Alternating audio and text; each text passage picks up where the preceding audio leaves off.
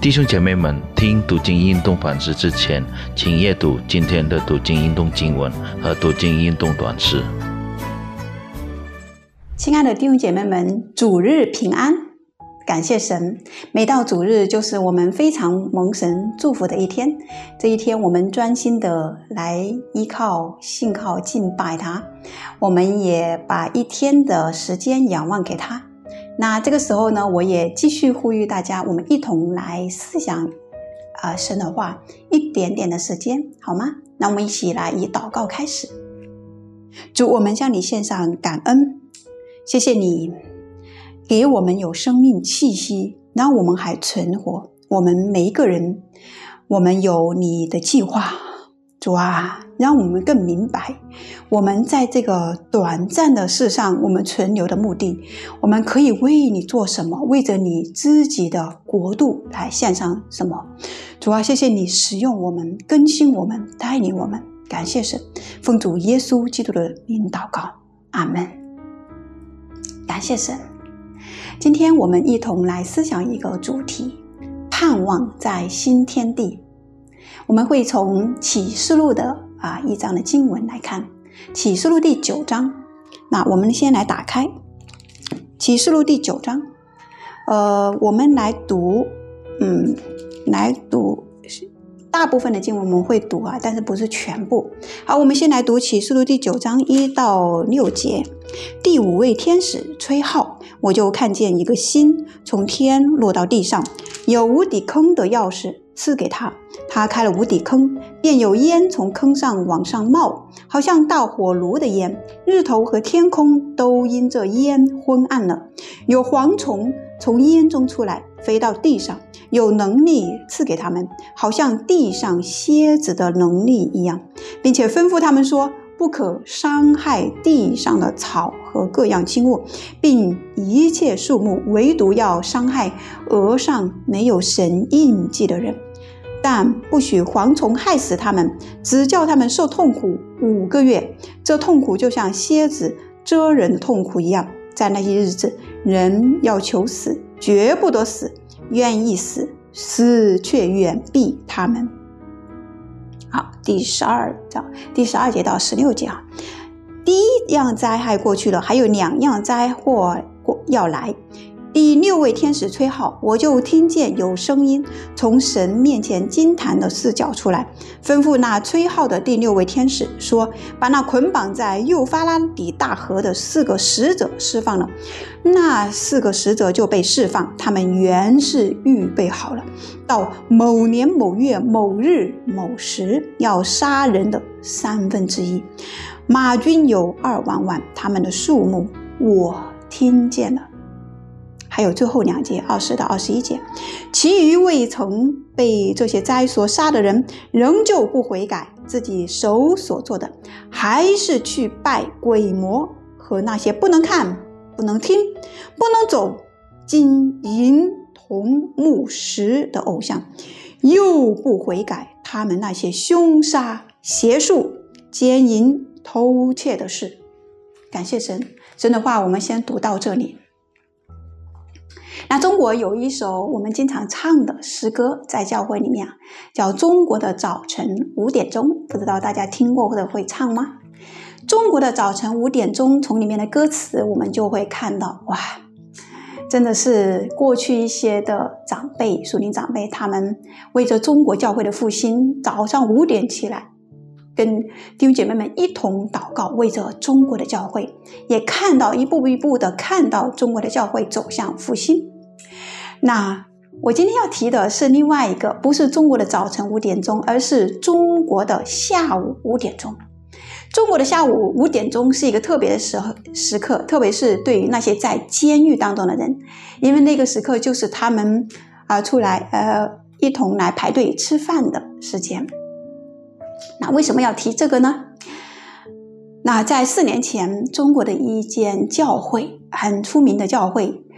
面临很大的逼迫，那你的牧师、传道、长老带领着他们领袖，他们就已经预备好了，随时面临着被传唤、被带走、被被抓住入监牢，因着信仰的逼迫的原因。那其中有一对的这个夫妻呢，啊，一位长老跟他的妻子，他，呃，这位长老就跟他妻子有一个约定，说，我被带走的时候，不管去哪里，我们都约定，我们每天下午五点来一同祷告，这是他跟他妻子的约定。在那里之后呢，很越会发现越来越多的人就在下午，呃，中国的下午五点钟。来祷告，为着中国的教会，为着那些受逼迫的弟兄姐妹们来祷告。那在两个月之前呢，这位长老他就发起了一个特别的全国性的祷告会，就是叫中国的下午五点钟的祷告会，就是来呃欢迎全国各地的弟兄姐妹们来为着中国的教会，为特别是为着在监狱里面的受逼迫的人来祷告。哇，我是非常的感动，呃，感谢神。在这个幕后的时代，在这个那特别是在那些信仰受逼迫的啊群体当中，基督徒的盼望在哪里呢？世人的盼望在哪里呢？那今天我们聚焦在这个启示录第九章，使徒约翰给我们的一些的盼望，让我们可以来学习。那第四节下到第六节说，并且。啊，说唯独要伤害额上没有神印记的人，但不许蝗虫害死他们，只叫他们受痛苦五个月。这痛苦就像蝎子蛰人痛苦一样，在那些日子，人要求死，绝不得死；愿意死，死却远避他们。在这里，在这里，我们看到有极大的痛苦会临到，会我们看到在不久的将来会有神的审判临到，有极大痛苦临到那些。额上没有神印记的人，就是那些还没有信耶稣的人，还没有得救的人，他们会受极大的痛苦，他们的身体、他们的心灵、他们的灵魂会面临着极大的痛苦，甚至是绝望，连死都不能够了。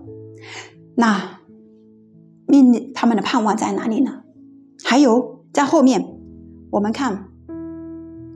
十五节到十六节说，那四个使者就被释放了。他们原是预备好了，到某年某月某日某时要杀人的三分之一。马军有二万万，他们的数目我听见了。不仅仅是前面的他们会受痛苦，还有后面他们有有的人是那个时候世上的人，有的人他们会受杀，被受杀，被杀害，被杀。三分之一的人被杀。其实，如果看前面，根据跟前面一点点第六章当中，我们会看到，当时其实已经有呃四分之一的人被杀了，加上这里的三分之一的人被杀，就我们就看已经是超过了一半的人。那个时候，在不久的将来，全世界会有超过一半的人已经被杀了。那其余的人又如何呢？第二十节，其余未曾被这些灾所杀的人，仍旧不悔改，自己手所做的还是去拜鬼魔和那些的偶像。第二十一节，他们又不悔改，他们继续去行恶。其余没有被杀、没有被啊这个灭绝的人，他们还是不信，还是不悔改。这里我看到实在是。非常的不理解，人受极大的痛苦、逼迫，甚至是绝望的时候，还不寻求神，哇！而且是非常的伤痛。为什么人就是刚硬到一个地步，就是不愿意去信靠，不愿意去信靠那一位拯救他们的神呢？这位救主耶稣基督呢？那我们看到，在这里，我们也整个看到魔鬼的势力、邪恶的势力，但是我们也看到神的主权，因为他们是在某年某月某日某时，而且他们是受限制的，只是杀人的三分之一，不能够杀更多的人。他们也是在某一定时间被释放出来，并且像前面的，他们是受痛苦五个月。不是更多，所以他们是受限制的，来残害、呃杀害啊世上的人。那这些的人被杀害仍然不悔改，那这些的人的盼望在哪里呢？在灾难面前，人的盼望在哪里呢？我们看到，所有人的盼望在救主，唯有在救主耶稣基督里面，而且人的盼望只有神才能够给予啊真正的盼望。我们的希望在哪里呢？我们的希望也是在救主里面。我们在这个世上活着，还活着，就有神特别的计划，神要给我们做的，我们就尽力去做。我们也等候。我们有一天完成了，然后到了我们的时间，我们被呼召回天家，或者是我们等候主耶稣基督第二次再来，我们一同等候，盼望那新天新地永远跟神在一起的日子。感谢神，所以这地上并不是我们永久的居所，是吗？把这个牢牢的记在我们头脑里面，我们的心上。这地上不是我们永久的居所，不是我们最终的归宿，我们是寄居，是短暂的。所以，用我们所有的精力、我们的青春、我们的时间、我们的才干、我们的资源，所有的一切来为着神的国来竭力奔跑，献上所有，献上最好的给神。感谢神，让我们谨记我们的盼望，永久的盼望在新天新地。感谢主，我们一起来祷告。主，谢谢你，我们向你献上感恩，一切都是你的恩典。主，还愿主你来使用我们。让我们好好的，也看我们身边的灵魂为宝贵。让我们好好的使用我们自己，你所给予给予我们暂时给我们管理的。谢谢你，愿主你来施恩，来与我们，让我们在这个世界上成为发挥出光与盐的功用。谢谢你，赐福我们的生命，成为更多人的祝福。感谢主，奉主耶稣基督名祷告，阿门。